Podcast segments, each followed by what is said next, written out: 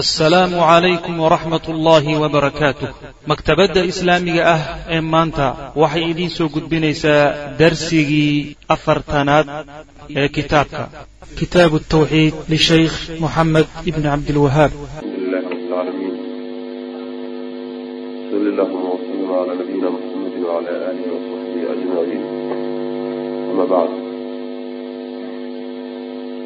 qala almualifu raximah llahu tacaala baabu ma jaa fi munkiri alqadar baabu yahay waxay ku yimid ama ku arooray dadka diidan qadarka oo waciid iyo goodi iyo hanshabaad iyo nusuus ah baabkan kaga hadlayaa sheeku qadarku marka uu meeshan u baabeeyey waa aslun min usuuli tawxiid. Waa tawxiidka usuushiisa mid kamida wa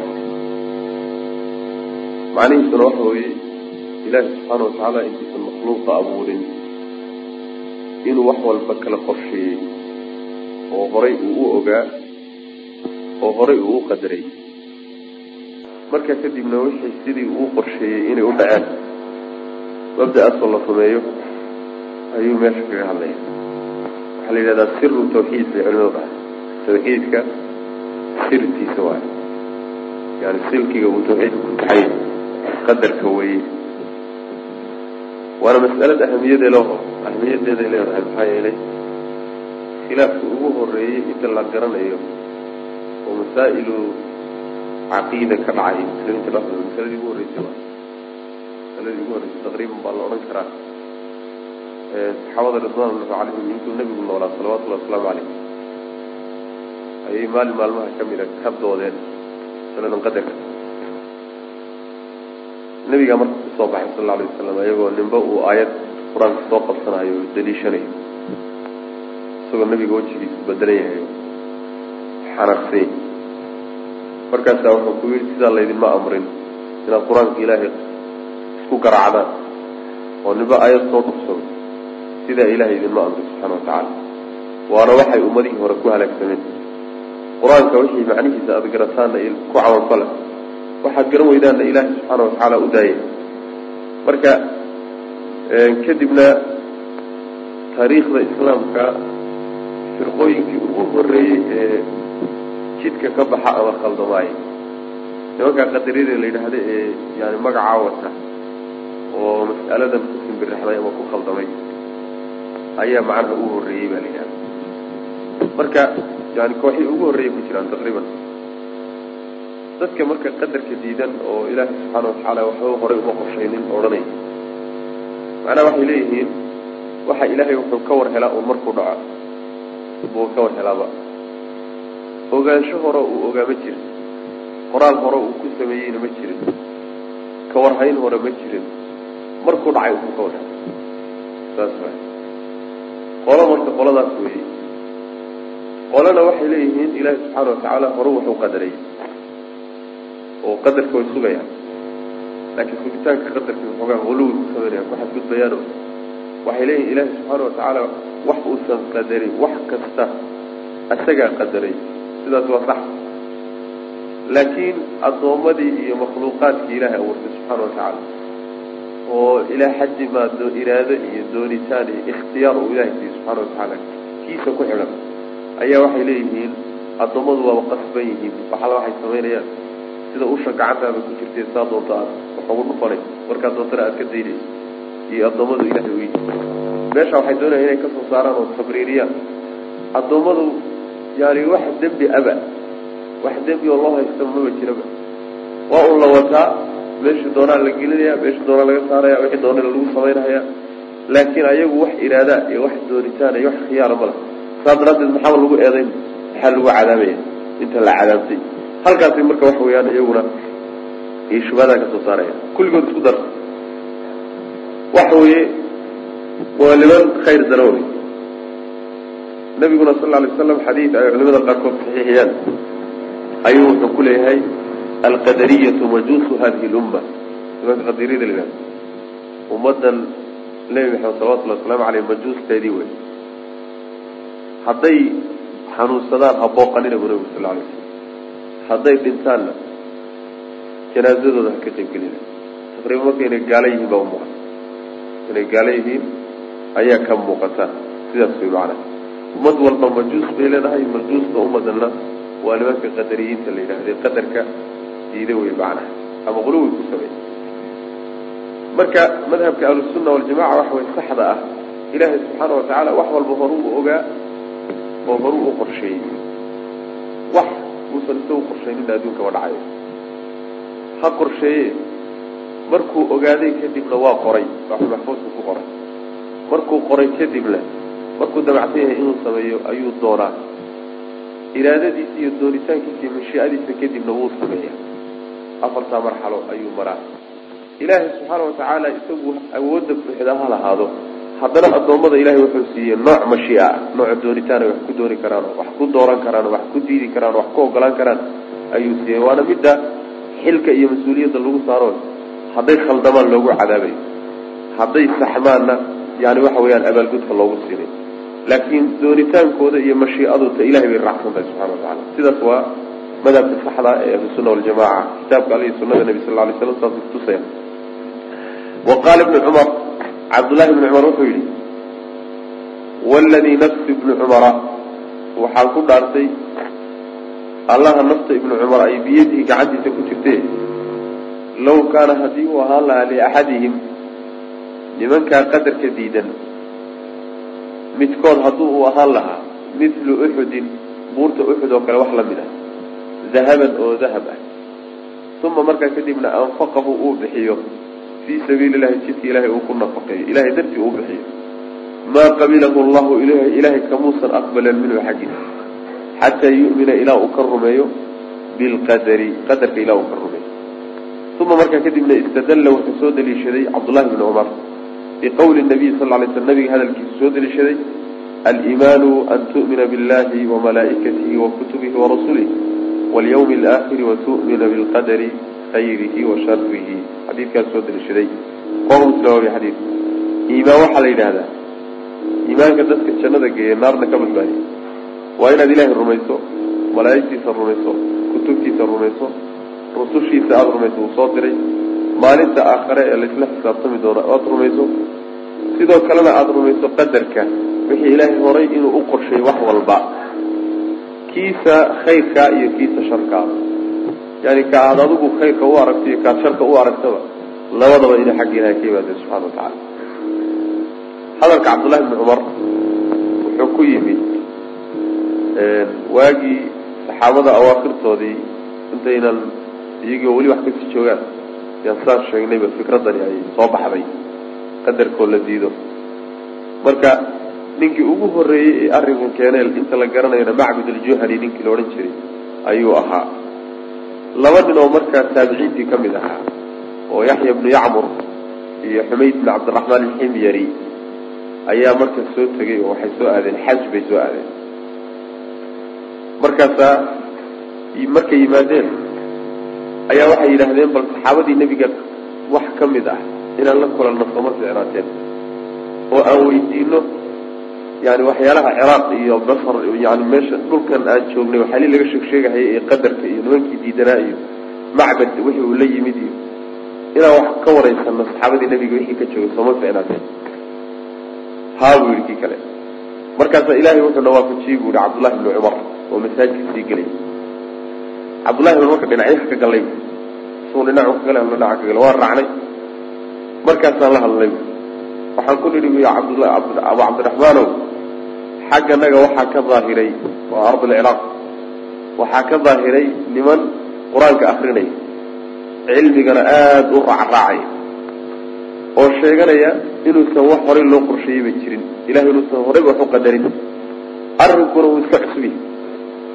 Yani arrinku inuu markaa uu dhaca uun cusub yahay wax ka horreeyeyna uusan jirin.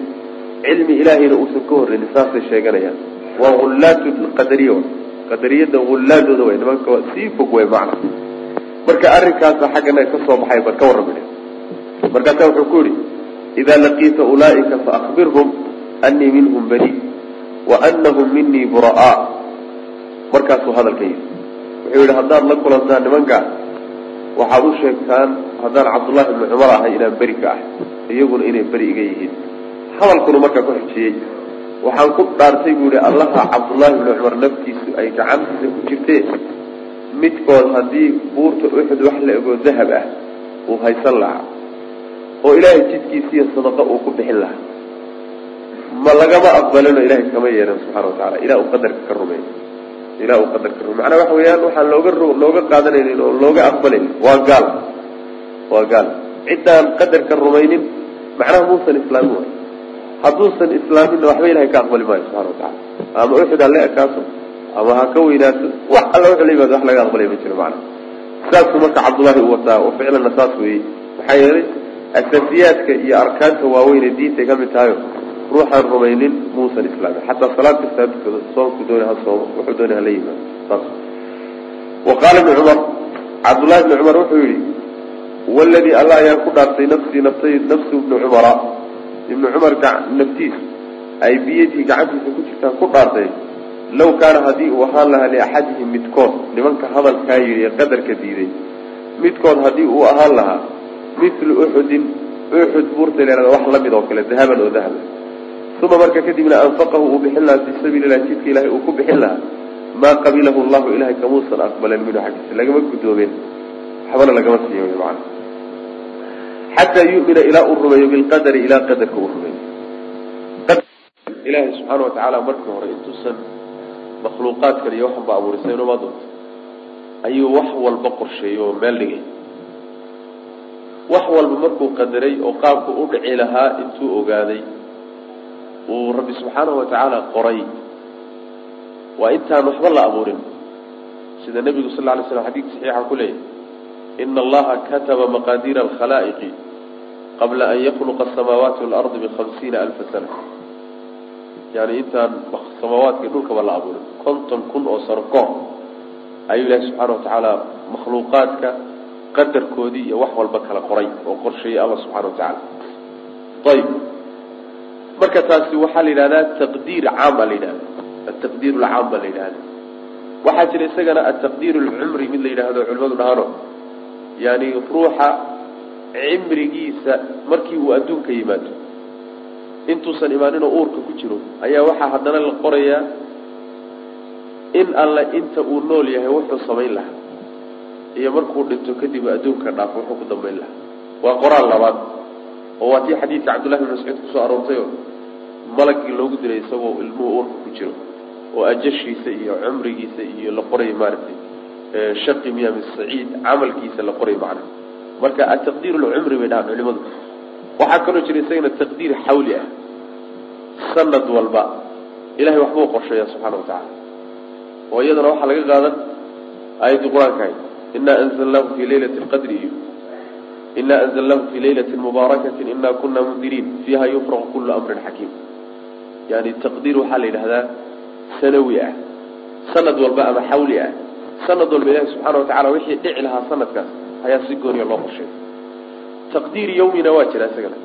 Maalin walba hawl baa jirta. Ilahi subxaana wa tacaala uu qadarayo samaynayo macana yani yas'aluhu man fi samaawaati waalard kula yawmin huwa fii shanin. Waatii aayaddu ahayd.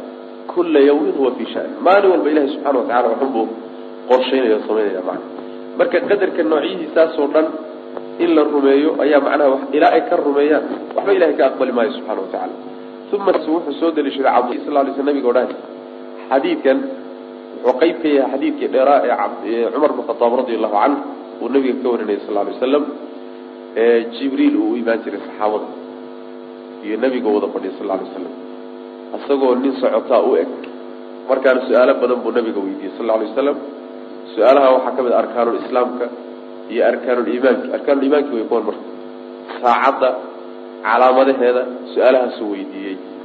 Ayadoo ujeedadu ahayd saxaabada la fadhiya nabiga sal alay wasalam inay bartaan oo la baraa la doonay maanaa jibriil saasuu nabiga u weydiinayay. Nebiguna marka waa jawaabayey oo wuxuu u jawaab celinayey jibriil buu u jawaab celinayay. Marka nebigu wuxuu yihi sal lay slam aliimaanu iimaanku waxa weeye an tu'mina inaad rumayso billahi ilahay inaad rumayso wey wa malaaikatii malaaigtiisa inaad rumayso. Wa kutubihi kutubtiisa inaad rumayso wixii laga magacaabayna magacooda inaad rumayso wixii kaleen la magacaabin duuduubka inaad rumayso. Wa rusuli rusushiisa inaad rumayso walyawmi alaakhiri maalinta aakhira inaad rumayso isa soo saarid. Wa wa an tu'mina inaad rumayso bilqadari qadarka ilaahay inaad rumayso. Khayrihi midkiisa khayrkaa iyo wa midkiisa sharkaaba oo sanagii soo marnay washaru laysa ilayka. Ilaahay xaggiisa wax sharaba. Maba ka yimaado ilahay wuxuu samaynayo o dhan wax waa wada khayr. Culimada qaar waxay yidhahdaan waxaan uun la dhihi karaynin ilaahay subxaana watacaala edabsi laga edabsanayo iyo afkoo la wanaajisanayo daraaddeed ayaan la odhan karaynin sharku xagga ilahay ku ka yimid. Laakiin sidaa macno ka fiican baa jira. Macnaha saxdaa wuxuu yahay ilaahay subxaana watacaala afcaashiisa iyo waxyaaluhu samaynayo isaga marka loo fiiriyo kulligood waa wada khayr waxaan khayr ahaan ba ilahay kama soo fula subxana wa tacala laakiin addoommada marka loo fiiriyo ayaa qaarna waxaa nidhi yani shar uu ku noqonaya shar ahaan uu noqonaya waa wixii rabbi sameeyey baa shar noqonaya ficilkiisii maaha shar buu qaar ku noqonaya qaarna khayr buu noqonaya. Marka sharka iyo khayrku waa marka addoommada loo fiiriyo. Laakiin ilahi subxaana watacaala kulli waxa ka soo fulay o dhan waa wada khayr macna.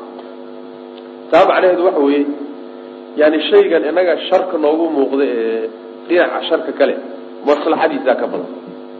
Maslaxada ku jirta iyo khayrka ku jira ayaa wuxuu ka badan yahay dhanka sharka inaga noo muuqda masalan yani waxa weeyaan ruux xoole haystay oo kale haddii xoolihii laga qaado ama ruux haddii cudurro lagu rido oo cudur ku dhaco oo la imtixaano shar baan u arkayna laakiin ilaahi subxaana watacaala xaggiisa sharka ku dhibka ku jira iyo dheefta ku jirta iyo maslaxada ku jirtaa waxay ka weyn tahay dhibaatada ku jirtay ka badan ka weyn tahay. Macana maslaxadu hadday weyn tahayna shaygaasi oo maslaxadiisu ay raajix tahayna lama yidhaahdo waa shar waa khayr macana saas mana marba hadday maslaxada ku jirta ka xoog badan tahay yani mafsadada iyo dhibka ku jira.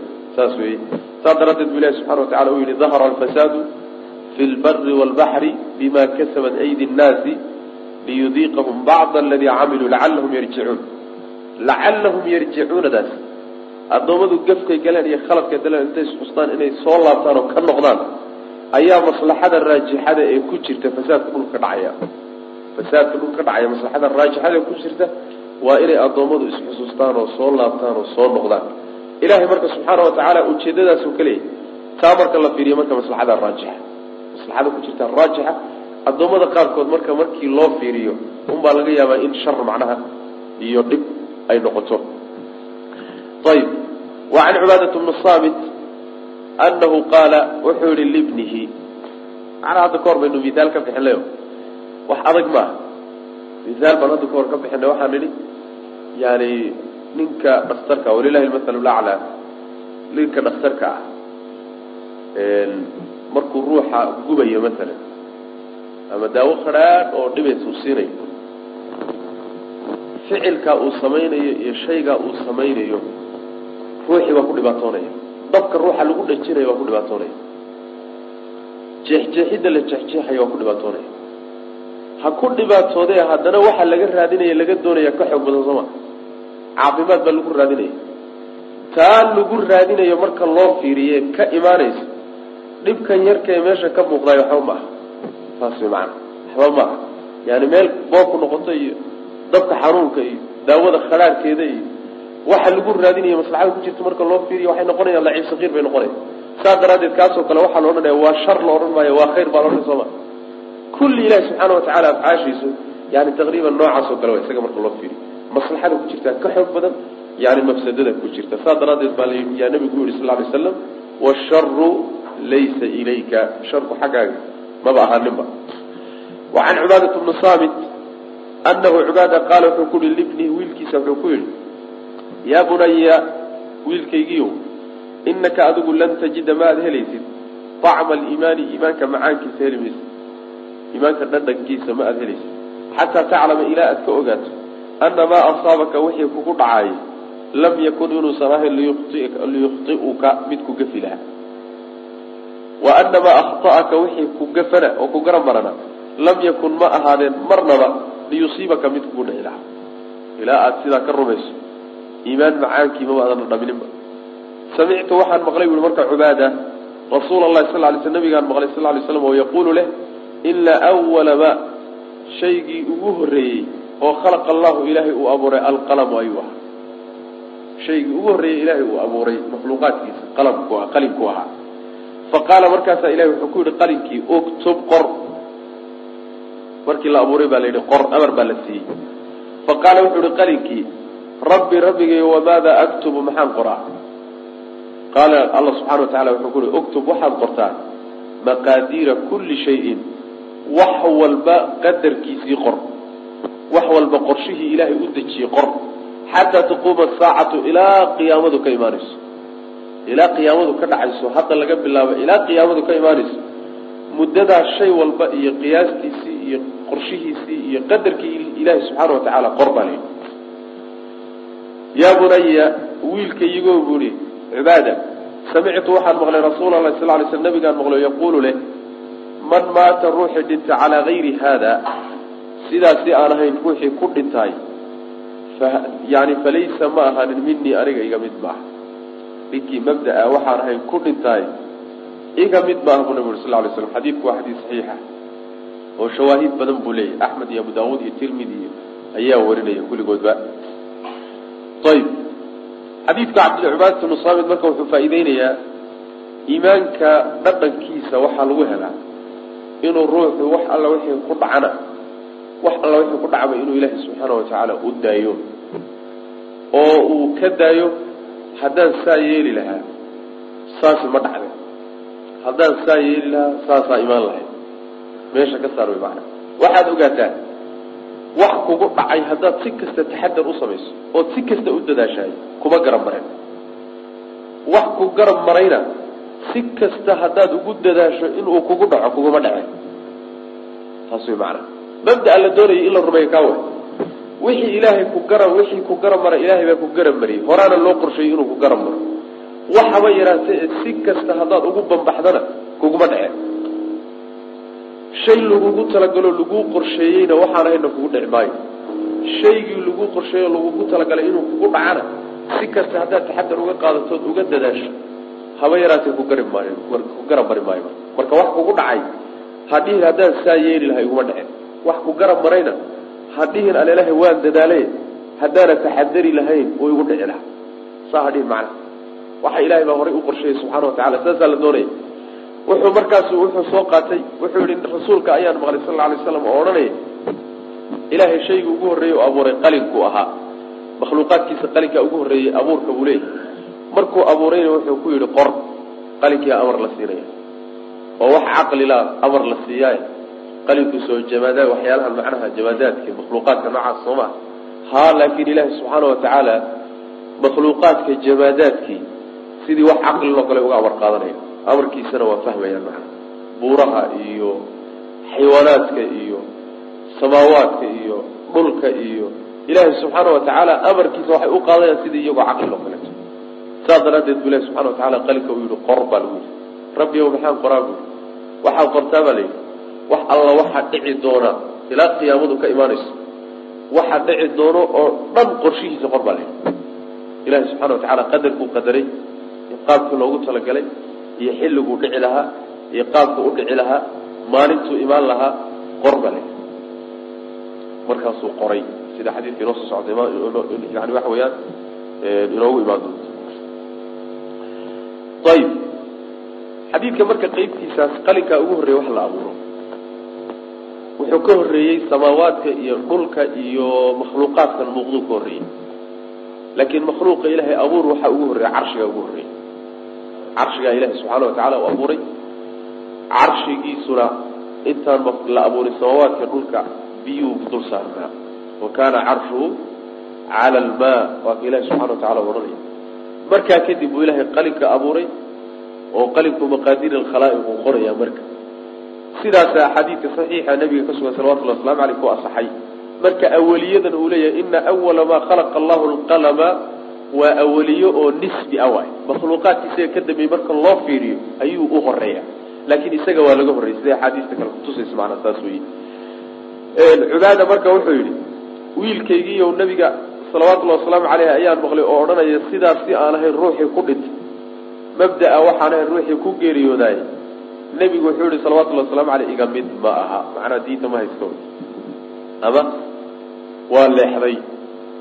Ama wuxuu khilaafsan yahay jidkii nebiga salawatullahi wasalaamu aleyh wa can cubaadat bni saamit cubaadat bna saamit waxaa laga warinaya anahu qaala inuu yihi libnii wiilkiisa wuxuu ku yidhi yaa bunaya wiilkaygiiyow inaka adigu lan tajida ma ad helaysid طacma aliimaan iimaanka kuu dhadhami maayo. Ficlan saas wey yani fawaa-ida laga helo iimaanka waxaa ka mid a sidqu lictimaadi cala allahi baa laga faa'idaystaa ilaahi subxaana wa tacaala oo si dhab a loo cuskado oo loogu kalsoonaado waxaa kaloo laga faa'idaystaa طuma'niinat lqalbi qalbiga kuwa xasila qalbiga kuwa xasila. Maxaa yeelay wax kaa tegey oo islahayd amaad heshaa oo ku dhaafay oo faa'iide ana ka murgi mayse wax lagu siiyey oo gacantaada soo galayna ku kibri mayse likay laa ta'saw ala ma fata calaa maa faatakum walaa tafraxuu bima aataakum. Saas way macana wax idin dhaafayna inaydan ka murgin wax laydin siiyeyna inaydan ku farxin oo ku kibrin. Saasuu ilahay wax walba horay inuu u qorsheeyay idinku sheegay. Faa'iidadaa marka qalbigaa kuwa xasil oo dhibkii kugu dhacaayay marnaba inuusan ku garab maray markaad rumaysan tahay. Walbahaar fara badan iyo dhib badan baa kaa degaya macna. Marka tuma'niinatulqalbi waa laga faa'idaystaa waxaa kaloo laga faa'idaystaa ruuxu sidiisaba inuu shaksiyadiisa iyo isla weynankiisa iyo anaaniyada aniga wax la yidhahdo inuu meesha ka saaro. Aniga wax la yidhaahdo hadduu camal saalixa la yimaado oo wanaag la yimaado oo dadaal uu la yimaado inuu waxaan ilaahay inuu u qorsheeyey uu rumeeyo. Anigaa la imid iyo anaa kan ahaa iyo aniga iyo aniga anigana in meesha uu ka baxa taasina macnaha waa laga faa'iidaysan waxaa kaloo laga faa'iidaysanaya in uusan macnaha ruuxu uu asbaabtii la yimaado. Asbaabtii saa marka la leeyahay iska seexo oo faraha ka qaado oo meeshaada kusugmeehe wixii sabab ahee khayr kugu kaalmaynaya inaad la timaadana iyadana waa laga faa'iidaysan oo yani ninkii la odhan jiray cumar bn khataab radi allahu canhu ardu shaam markuu daacuunka ku dhacay oo dhexda isagoo si socda loo sheegay yuu soo noqday yuu soo laabtay. Markaasa waxaa lagu yihi ya khaliifata almuslimiin atafiru min qadar illah ma qadarka ilahay baad ka cararaysaa baa lagu yidhi. Meeshan cudurku ku dhacay waa qadar ilahi ma qadarkaadan rumaysnayn? Markaasaa wuxuu yihi nafiru min qadar illahi ilaa qadar illahi qadar ilahay baanu ka cararay ku ilahay baanu uga cararay taas macnaheedu waxa wey asbaabta qaado waay. Asbaabtii wixii asbaab oo taxadar ah qaado wixii khayr kugu kaalmeynaya la imow dadaal.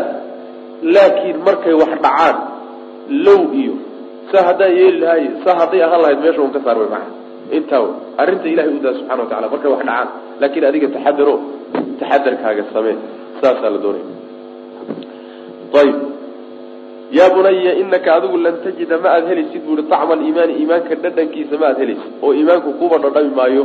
Xataa taclama ilaa aad ka ogaato ana maa asaabaka wixii kugu dhacaayay lam yakun inuusan ahayn haddaad dadaali lahayd liyukhطi'aka mid ku garab mari lahaa. Wa ana maa akhta'aka wixii ku garab marana oo ku gafo oo musiibo ah oo dhinac kaa martaana lam yakun inuusan ahayn liyusiibaka mid kugu dhici lahaa.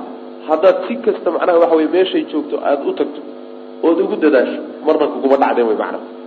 Samictu waxaan maqlay rasuula lahi sal lay slam oo yaquulu leh ina awala maa shaykii ugu horreeyey oo khalaqa allahu alla uu abuuray alqalam waay. Faqaala markaasa alla subxaana wa tacala wuxuu ku yihi qalinkii uktub qor. Faqala wuxuu ihi rabbi rabbigay wamaada aktuba maxaan qoraa?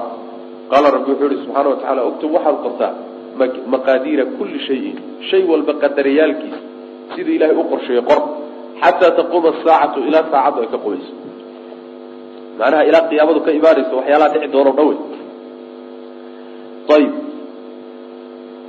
marka xadiidkii inooma sheegin qalinkii ma qoray mise muusan qorin laakiin riwaayaadka kale xadiidka waxaa ku soo orortay fajara alqalamu fi tilka asaacati bima kaan wa bima huwa kainun ila labad yani wixii jiray iyo wax alla waxa jiri doono oo dhan weligood ayuu marka qalinkii markiiba qoray macna xariiqay yaa bunaya wiilkaygiiyo buui samictu waxaan maqlay rasuula lahi sal lay sl rasuulkaan maqlay yaquulu leh man maata ruuxi dhinta calaa gayri haada arrinkaa dushiisa waxaan ahayn caqiide kaloo taa ka gedisan ruuxii ku dul dhinta falaysa muusan ahaanin buu nabigu uhi minii aniga iga mid ma aha dariiqadaydii waa khilaaf inuu gaaloobayna u badan tahay oo uga baxo. Wa fii riwaayatin riwaayo kale dhexdeeda waxaa ahayd oo liaxmeda usugnaatay riwaayada imaam axmed warinayo waxay iyaduna ahayd ina awala maa shay kii ugu horreeyey oo khalaqa allahu ilahay uu abuuray tacala kore alqalam waay faqaala lahu markaasuu ilahi wuxuu ku yihi qalinkii uktub qor. Fajaraa markaasuu dureeray qalinkii fii tilka saacati waktigaa isaga ah. Bimaa shay ayuu ku dureeray oo qoray.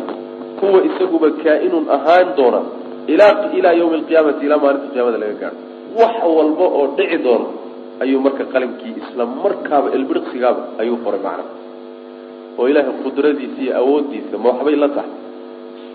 Waxba lama ibni aadamka mi marka cilmigiisa iyo caqligiisa iyo garaadkiisa iyo makhluuqaadka marka miisaanka la lagu saaro oo xagga loo fiiriyo ayay arrintu adagta laakiin ilaahi subxaana wa tacaala jabbaar asamaawaati waalardi marka loo fiiriyo waxba lama aha. Waxba lama wax walboo dhici doona inuu ogaado haddana weliba uu qoro saas way macnaa fajara alqalamu qalinkii fajara wuu dureeray marka oo wuu qoray baa laga wadaa. Qalinkii fii tilka saacati waktigaa isaga a bimaa shay ayuu qoray. Huwa isaguba kaa-inun ahaan doona. Ilaa yawmi alqiyaamati ilaa maalinta qiyaamada laga gaadho. Wax walba oo dhici doona ayuu marka qoray. Fiihi masaa'il. Wa fii riwaayatin riwaayo kale waxaa dhexdeeda iyada ahayd ibnu wahbin oo ibnu wahb uu warinaya qaala rasul sal lay slam rasuulku wuxuu yihi faman lam yu'min ruuxaan rumaynin bilqadari qadarka ruuxaan rumaynin khayrihi kiisa khayrka ah wa shari iyo kiisa sharka aba axraqahu llahu ilahi wuxuu ku gubaya ku gubayaa binnaari naar buu ku gubaya ninkaan qadarka saa u rumaynin ilaahay subxaana wa tacaala naar buu ugu talagalay oo naar baa jidhkiisa gubi doonta saasuu nabigu yihi sal lay slam wa fi lmusnadi musnadka waxaa ku sugnaaday waa musnadu axmed wey wasunani sunanka waxaa ku sugnaaday cinda bni daylami cinda ma ah cabdina maaha. Can ibni daylami waay can ibni daylami waxaa laga warinaya qaala inuu yihi ataytu waxaanu imid ubay ibni kacbin baanu imid. Faqultu waxaan ku ihi fii nafsii shay-un. Naftayda ibnu daylamigu waa taabici waay ubay ibnu kacb oo saxaabadii nabiga ka mid sal lay slam iyo culimadii saxaabada buu u yimid. Markaasa waxaan ku ihi bu ihi fii nafsii shayun min alqadar. Naftayda waxbaa ku jiro qadarka kaga jira yani waxbaa qaab yara macnaha waxa wey waswaas ah iyo shubha ah yaa naftayda ku jirto qadarka ay ka qabtaan. Faxadithnii ii sheeg bui bishayin wuxuun ii sheeg wax ii sheeg oo qur'aanka ama xaadiistood nebiga ka maqashay lacala allaha alla yudhibuhu inuu ku tegsiiyo bal min qalbi qalbiga inuu kaga tegsiiyo waswaaskaa qalbiga iga jira bal ilaahay inuu iga sii qaado. Wuxuun ii sheeg bui macna. Faqaala wuxuu yihi ubay low anfaqta haddaad bixiso mila uxudin buurta uxud wax la eg dahaban oo dahab ah. Maa qabilahu llahu ilaahay muusan aqbalan minka xaggaaga xataa tu'mina bilqadari ilaa qadarka aad ka rumayso. Saas wey ilaa qadarka aada rumayso wax walbood la timaado ilahay kaaba aqbali maayo. Horta taa qabso.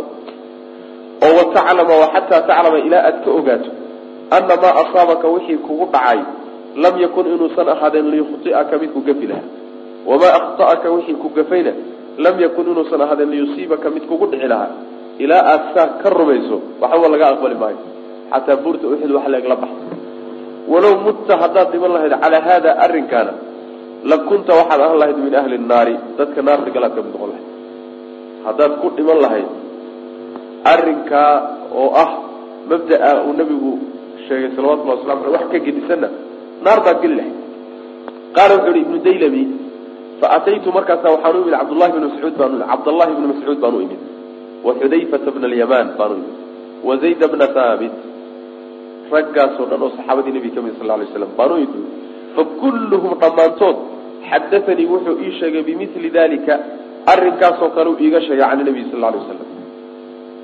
xadiidun wey saxiixun oo saxiix. Rawahu waxaa wariyay alxaakimu fi saxiixii buu ku wariyey yani saxiixiisa wuxuu ka wadaa mustadraga xadiidkaasu yani yuu ku wariyay xadiidkuna waa xadiis saxiixa waay. Marka xadiidka oran buu la macnaya oo yani ninka ibnu daylami la yidhaahdo taqriiban wuxuu ka warinayaa afar nin oo saxaabada nebiga ka mid sal lay slam weliba culimadii saxaabada ubay ibnu kacab iyo cabdullahi bnu mascuud iyo xudayfat bnu yamaan iyo zayd ibnu thaabit waa rag iyo culimadii saxaabada waay. Waxay isku waafaqeen kulligood inuu nebigu yihi sal lay slam ninkaan qadarka rumaysnayni naartuu gelaya janno ilaahina subxaana watacaala ma uu gelaya talabaadna waxa weeyaan in wax laga aqbalayo uusan jirin. Adduunka waxba laga yeeli maayo. Buurta uxd xataa wax lagaa bixiy buurta uxd waxaa loogu halqabsadaa inta badan. Waxaa lagu misaaliyaa wixii la doonayo in la weyneeyo. Maxaa yele waa buur aada u ballaaro wey weyn. Bal buur keliya maaha silsilad waay silsilad buuroo isku daba xidhan wey macana wa fi lmusnadi musnadka waxaa ku sugan wasunani cinda bni daylami can ibni daylami laga warinaya qaala wuxu uhi ataytu waxaan ubay ibna kacb baan u imid ubaya bna kacb baan ibna kacb baan u imid faqultu waxaan ihi fii nafsii naftayda dhexeeda shay-un waxbaa ku jira. Min alqadari qadarkana kaga jira. Waxbaa naftayda ku jiro waswaas ah. Oo qadarkaa laygu dirahayaayo lay diidsiinaya. Faxaditnii ii sheeg bui bishayin wuxuun ii sheeg lacala allaha alla wuxuu mudan yahay yudhibuhu inuu iga tegsiiyo min qalbii qalbiga inuu kaga tegsiiyo wuxuun aan ku caafimaado.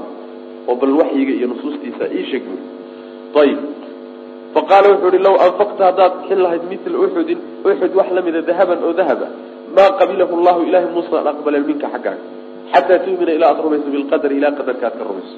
Wa taclama aad ka ogaato ana maa asaabaka wixii kugu dhacay lam yakun inuusan ahaanin liyukhti'aka mid ku gafi lahaa wamaa akhta'aka wixii ku gafo ku gara marana lam yakun inuusan ahaanin liyusiibaka mid ku dhici lahaa walaw mutta mitta iyo mutta waa isku mid.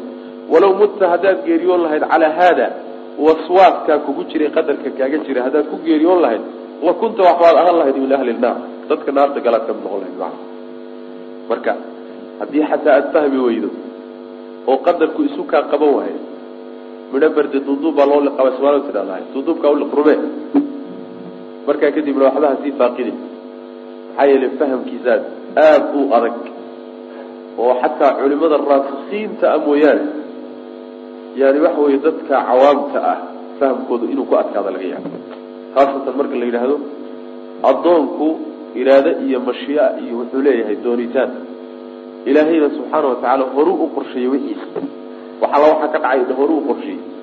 Haddana awooddu wax ku sameeyuu leeyahy marka la yidhahdo inay isqabadsiin waayaan baa laga yaaba dad badan. Sidaa daraaddeed waxaa fiican duuduubka inaad ku liqdo macna haddaad fahmi weydo ilaa aad ka fahmayso ka garanayso macna laakiin marna qalbigaaga ka ilaali. Inuu waswaas ka galo mabdaa isaga oo macnaha waxa weye uu waswaas ku galo. Walaw mutta calaa hada lakunta min ahli naar. Qaala wuxuu ihi faataytu waxaan u imid cabdllahi cabdullahi bn mascuud baan u imid waxudayfata bna alyamaan wazayd bna haabit fakulluhum dhammaantood xadatanii wuxuu ii sheegay bimili dalika arrinkaas oo kale can nabiy sal lay slam iiga sheegay. Xadiidun saxiixun waa xadiid saxiix oo rawahu waxa wariye alxaakim fii saxiixi macnaa mustadraga laga wadaa mustadraka in saxiix la yidhaahdaay. Waa qalad wey sax ma aha sax ma aha maxaa yeelay kulligii saxiix ma aha inkastoo uu ugu talagalay xaakim inuu axaadiista saxiixa ku soo arooriyo haddana waxa way kulligii saxiix maaha. Saas daraaddeed waa laga fiican yahay tasmiyada saxiixa in lagu magacaabo mustadrak lxaakim saasay culimada xadiidku leeyihi alkhaamisatu masalada shanaadi waxa weeye dikru fiihi masaa'il baabkan masaa'il dhowraa ku jirta. Alula masalada koobaadi waxa weeye bayaanu fardi liimaani bilqadar qadarka oo la rumeeyo inay waajib tahay oo la caddeeyo. Inay waajib tahay oo la caddeeyo. Saa waxay ka muuqataa adiladan soo marnay. Athaaniyatu masalada labaad waxa weeye bayaanu kayfiyat liimaan qaabkii qadarka loo rumayn lahaa oo laysu caddeeyo. Qaabkiina waan soo marnay oo muxuu ahaa yani taclam biana maa asaabaka lam yakun liyukhطi'aka wamaa akhta'aka lam yakun liyusiibaka saas way macnaha kayfiyada iyo qaabka wixii kugu dhacay waa inaad ogaato inuusan ku garab marin wixii ku garab marana waa inaad ogaato inuusan marna kugu dhacin qaabkaasaa loo rumay qadarka athaalithatu masalada saddexaad waxa weeye ixbaatu camali man cid camalkeed oo la baabi'iyo oo la hoobiyo ciddaasoo lam yumin aan rumaynin bihi qadarka cid aan qadarka rumayninna camalkiisa inuusan waxba ka jirin. Maxaa yeele muslimba ma ah waxaan iimaan lahayn oon islaam ahaynna ilaahay subxaana watacaala camal umaba kaydiyaba. Waxba meel uma yaalaan marka sida geeddu caleenta u daadisoo kale saasoo kalea camalkiisa loo daadini macna. Araabicatu masalada afraad waxa weye alikhbaaru warramid la warramo ana axada ruuxna laa yajidu inuusan helaynin dacma aliimaani iimaanka dhadhankiisa iyo macaankiisa xataa yu'mina ilaa uu ka rumeeyo bihi qadarka. Dadku intaasay ku kala fiican yihiin adduunka sidiisaba dadka ma qanciyo. Qalbigoodana ma dharjiyo mana xasiliyo. Si kasta hadduu kugu bato laakiin dadku waxay ku kala fiican yihiin oo ku kala yani qiimo badan yihiin. Kolba siday qadarka u kala rumaysan yihiin. Nin baa gaajaysan oo yani ooman oo aradan oo guri la'aan ahoo waxba aan adduunka ahayn. Haddana raaxada uu dareemayo iyo damiirkiisa xasiloonida ku jirta ma haysto ninka milyaneerka bal adigu fasir. Meel kale kama imaanayso waa qadarkaasoo la rumeeyo. Qadarkaasoo la rumeeyo. Inta keliyaan ku tugtug leenahayna waa intaas. Inta keliyaan ku socnaa waa intaas. Sida loogu kala fiican yahay mabdaa baana nolosha u kala macaan daacaadka iyo ilaahay subxaana watacaala diintiisa iyo kudhaqankeedana loogu kala fiican yahay marka waa mabda muhima waay. Saas daraaddeed bay culimadu siru tawxiid ku magacaabaan. Tawxiidka dhan buu sir u yahay maana sirtiisa wey marka iimaankii dhadhankiisii kuba dhadhami maayo ilaa aada arrinkaa isaga aada rumayso. Alkhaamisatu midda shanaadi waxa weeye dikru awali ma shaygii ugu horreeyey oo la sheego. Shaygaasoo khalaqa allahu ilahay uu abuuray. Shaygii ugu horreeyey ilaahay uu abuuray oo la sheego. Qalinkuu ku sheegay xadiidku saasaa yaan soo marnay. Laakiin waxaa axaadiista kale ku asaxday in laga horreeyey qalinka abuurkiisa in laga horreeyey oo waxaa ka horreeyey carshigaa ka horreeyey. Carshiga abuur ahaan kaga horreeyey kadibna qalinka ayuu ilahay abuuray subxana wa tacaala. Iyo dushooda ah carshigu waa makhluuqa ilaahay abuuray ka ugu weyn waay. Biyuhu dushooda ah markaa kadib baa marka qalinka la abuuray. Marka waxaa ka muuqatay inuu carshigu ka horreeyey biyuhuna ka horreeyey qalinku markaas labadaaba ka dambeeyey macana sida axaadiis baa kutusaysa nabiga ka sugan salawatullah waslamu ayib. Asaadisatu masalada lixaadi marka marka awaliyada lagu sheegayo waataan tilmaanayo shayga awal marka la yidhahdo. Yani awaliye mutlaqa ah iyo awaliye nisbiya lakala yidhahda shaygani marka loo fiiriyo waxa isaga ka dambeeya awal uu noqon karaa. Shayga markii in markaan waxba ka horreynayo isagu wax walba ugu horreeyaan awal waa la yidhahda midda dambe mutlaq baa la yidhahda ta horena nisbi baa la marka loo fiiriyo way waxa ka dambeeya marka awaliyadan lagu tilmaamayo qalimka waa mid nisbi oo marka loo fiiriyo makhluuqaadka ka dambeeya oo makhluuqaadkooda makhluuqaadka intooda badan ah ayuu awal u yahay. Laakiin awaliye mutlaqa ma wato oo waa laga siitaa macnaha carshiga ayaa ka horreeyey asaadisatu masalada lixaad waxa weeye anahu qalinkii jaraa wuu socday oo wuu dureeray oo wuu qoray bilmaqaadiiri waxyaalihii ilaahay uu qadaray fii tilka saacati saacadda iyo waktigaa isaga ah ilaa qiyaami saacati ilaa saacaddu ka dhacayso. Inta saacadda dhicitaankeeda laga gaadhayo wax alla wuxuu ilahay qadaray o dhan buu markaa qoray. Asaabicatu masalada toddobaadi waxa weeye baraa'atuhu nebiga ka beri noqoshadiisa minman cid uu ka beri noqday ciddaasoo lam yu'min aan rumaynin bihi qadarka. Man maata calaa gayri hada falaysa minii waa kaan xadiis ku soo marnay.